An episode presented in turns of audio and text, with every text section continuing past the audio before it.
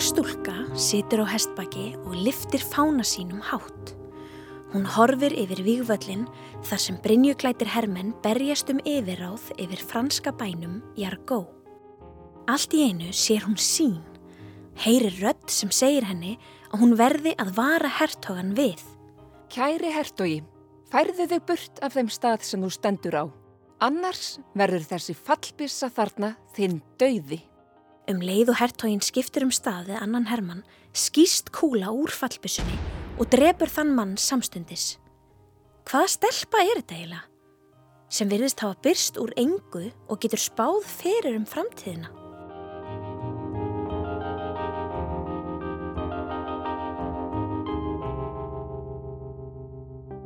Þetta er sagan af Jóhannu af Örk eða stúlkunni sem kölluð var Mærin frá Orleón.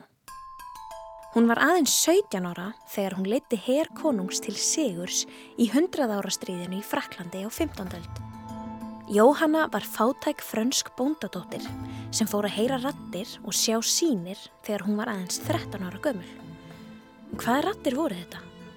Hún kallaði þær guðdómlega rattir Sýnirnar voru dyrlingar og englar sem byrtust henni með skilaboð frá Guði og kvöttu hana til að frelsa Frakland sem var á valdi englendinga á þessum tíma í kringum árið 1420.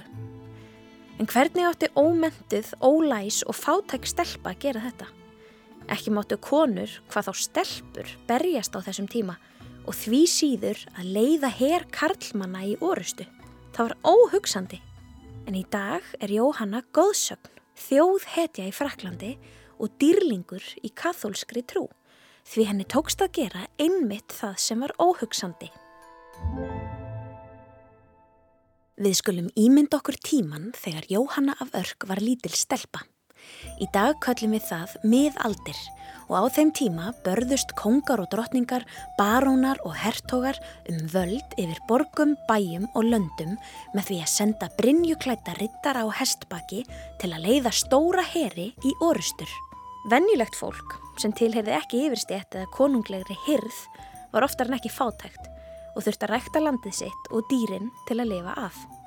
Þau fögnuðu hetjum sínum þegar þær unnu stríð en lendu svo oft ítla í því þegar óvinnirnir náðu völdum í þorpum þeirra, brendu bæi og tóku matinn þeirra og dýrin. Fjölskylda Jóhannu var einmitt svona fjölskylda, vennilegt fólk. Þau byggu í Fraklandi og stuttu franska kongin.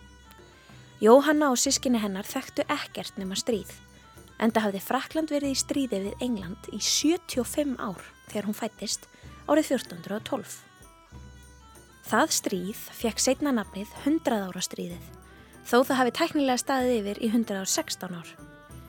Ennskir kongar vildu ráða yfir Fraklandi og hafðu unnið orustu eftir orustu og náðu völdum yfir stórum hluta Fraklands. Konungur Fraklands hafi látið nánast öll sín völd í hendur englendinga áður en hann dó og franskir hermenn og þjóðin öll áttu varðla meira baráttu þrekk eftir.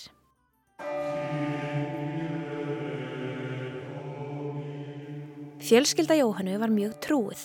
Þau yfguðu kathólska trú en þeir sem gerð það trú á það sem stendur í biblíunni og á Guð og Jésu og tilbyðja einnig engla og dýrlinga. Dýrlingar kathólsku kirkjunar eru líklega um 10.000 samkvæmt vísindavefnum. Dýrlingar voru einu sinni lifandi manneskjur sem gerðu eitthvað á meðan þær voru á lífi sem veitir þeim sérstakann sess við hlið Guðs. Pávinn tekur ákverðunum hver er tekin í dýrlingatölu eftir að hafa rannsakað líf þeirra og komist að þeirri niðurstöðu að þau hafi þjónað guði, unnið ótrúlegar hetjudáðir, sínt góðvild í garð annara og eða dáið fyrir trú sína. Sum eru tekin í dýrlingatölu eftir að þau deyja vegna þess að kirkjan tengir eitthvað ótrúlegt kraftaverk við þau. Jóhanna af Örk er í dag einn af dýrlingum kathólsku kirkjunar. En hvernig gerðist það? Jóhanna var alin upp í kathólskri trú og var duglega byggðið til Guðs og sína öðrum góðvild og kærleika. Ég let skýra hanna og ólana upp í Guðsóta. Ég kendi henni að virða hefðir kirkjunar. Mér tókst svo vel til að hún varði lang mestum tíma sínum í kirkjunni. Í hjarta sínu hafði hún mikla samúð með fólki sem þjáðist og þrátt fyrir ungan aldur fastaði hún og bað fyrir því af mikilli tryggð og tilfinningahitta. Hún hugsaði aldrei, sagði eða gerði neitt sem stangaðist á við trúna. Sumir óvinnir hennar kerðu hana fyrir trúarlegum domstól, þrátt fyrir að hafa neitað og sárbænt bæði hátt og í hljóði og enga hjálp fengið til að verja sig, var hún leitt í gegnum svikul, ofbeldisfull, ránglát og syndsamleg réttarhöld. Dómaratnir dæmdu hana ránglega, glæpsamlega og tóku hana af lífi á grimmilegan hátt í eldi. Þetta sagði mamma hennar Ísabella þegar verið var að rannsaka dauða Jóhannu og skoða hvort hún hafi verið ránglega dæmt til dauða. En við erum komin svolítið langt fram á okkur í sögunni. Bökkum aðeins. Ég er ekki hrætt. Ég fættist til að gera þetta. Jóhanna er 13 ára. Einn daginn sér hún sín Mikael Erkeengil byrtist henni í gardi föður hennar en hverfur fljótt aftur. Stuttu síðar sér hún fleiri dyrlinga, heilaga Katrínu og heilaga Margreti. Hún sér engla og dyrlinga reglulega næstu árin en talar lítið um sínirnar við annað fólk. Það eina sem við vitum í raunum þessar sínir er það sem hún sagði sjálf frá. Samkvæmt því fóru rattir þessara dýrlinga og engla að segja henni stöðugt skýrar og af meiri ákafa að hún ætti að rekja englendingan á brott og fylgja krónprinsi Fraklands til borgarinnar Rans til að láta krína hann sem réttmætan konung Fraklands.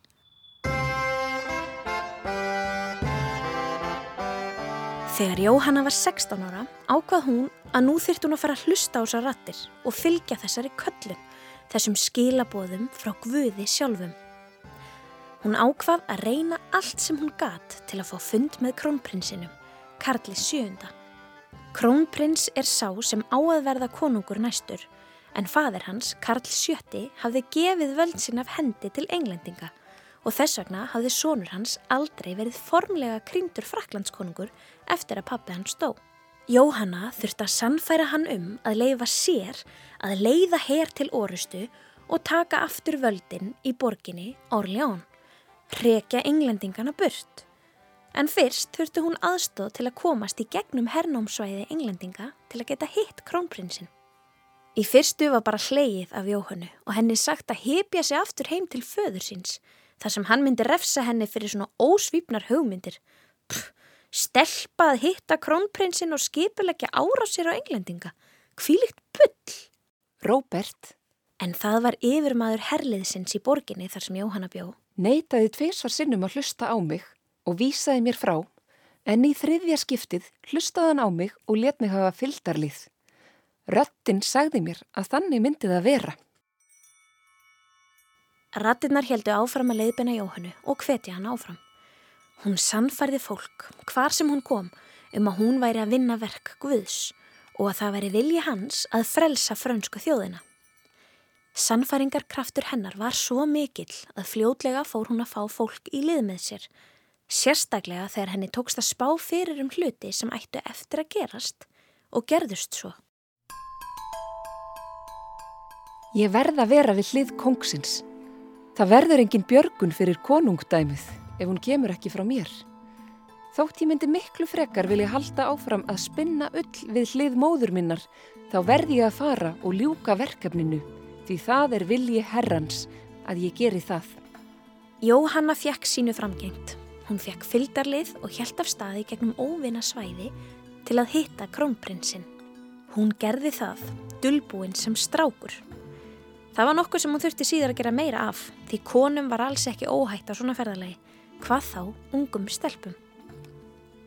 Með þessum sannfæringarkrafti tókst henni líka að sannfæra krónprinsinn þegar hún loksins komst á hans fund. Sagan segir að hún hafi geta sagt eitthvað um hann, vitað hluti sem bara hann einn vissi, eitthvað sem hann hafi sagt í einrúmi þegar hann var að byggja til Guðs. Hún hafi vitað það vegna þess að rattirnar söðuna. Og þannig trúði hann að Guð hefði valið hana til þess að leiða herin. Fyldarmenn krónprinsins urði hissa. Þessi unga stúlka sem hafði enga reynslu eða þjálfun í hernaði þessum tíma gekk frægur spádómur millir frakka um að land og þjóð yrðu leitt til frelsis af jómfrú, en það er ung, ógift kona. Þessi spádómur og sannfæringakraftur Jóhannu leittu til þess að orðspór hennar dreifðist víða og fleira fólk fór að fylgja henni og treysta á hana. Krónprinsinn og valdafólk í Fraklandi voru komin í algjört þrótt á þessum tíma. Þau voru að missa öll völd til Englands og ekkert virtist ganga upp. Kanski var það ekkert svo galið að klæða þessa ungu stelpu í Brynju og senda hann í orustu. Kirkjan rannsakaði hennar vel, laði fyrir hann að próf og komst að þeirri niðurstöðu að trú hennar væri hrein og að hún trúði því innilega að þetta veri hennar hlutverk. Jóhanna af Örk, þá 17 ára gömul, var send með hermanna í átt að borginni Orleán sem var undir valdi enska hersins. Hún klifti hár sitt stutt og klætti sig eins og karlmaður, var klætti kvítabrinju og herrklæði bar með sér fána sem var aðalsmerki hennar alla tíð síðan. Í orustinni um Orleón særðist Jóhanna. Hún fekk öri aukslina þegar hún held upp í fána sínum utan við loka í borgarinnar. Þar sem enskir hermenn höfðu lokað sig inni og franski herin reyndi nú að svæla út. Frakkarnir heldu að nú myndu þeir aldrei sjá hann aftur og að spádómurinn hafi bara verið líi. Þeir voru handvissir um að nú myndu þeir tapa. Dægin eftir að Jóhanna særðist var hún þó mætt aftur á vígvöllin og hvati menn sína áfram. Verð hugrakir, ekki hörfa. Eftir örskama stund verður staðurinn ykkar. Horfið, þegar vindurinn blæs fána mínum í áttað varnargarðinum skuli þið leggja til atlögu. Og nákvæmlega þetta gerðist. Herin lagði til atlögu, náði völdum í virkinu og daginn eftir var hernámi englendinga um borgina Orleón lokið. Fólkið sem hafði evast um Jóhannu, þessa 17 ára bóndadóttur sem virtist hafa sprottið upp úr yngu og hennar guðdómlega tilgang, sannfæriðist nú um að hún væri í raun svo sem hún segðist vera, útvalinn bjargvættur. Eins og þið munu kannski hafðu ratirnar sagt Jóhannu að rekja englendingan á brott sem hún hafði gert. En þær sögðu henni líka að láta krína krónprinsinn sem rétt mætan konung Fraklands í borginni Reims sem var langt inn á yfirráðasvæði englendinga. Það átt að sína englendingum og heiminum öllum að Frakland tilheyrði frökkum.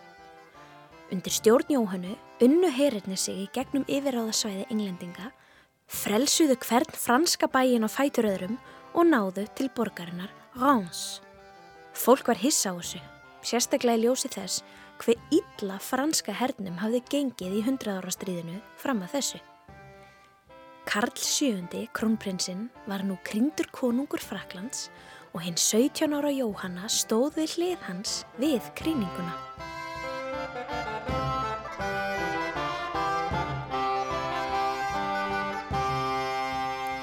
Eftir aðtöfnina kvöttu bæði Jóhanna og fleiri yfirmann í hernum kongin til að halda áfram baráttunum frelsi Fraklands á meðan það gekk svona vel.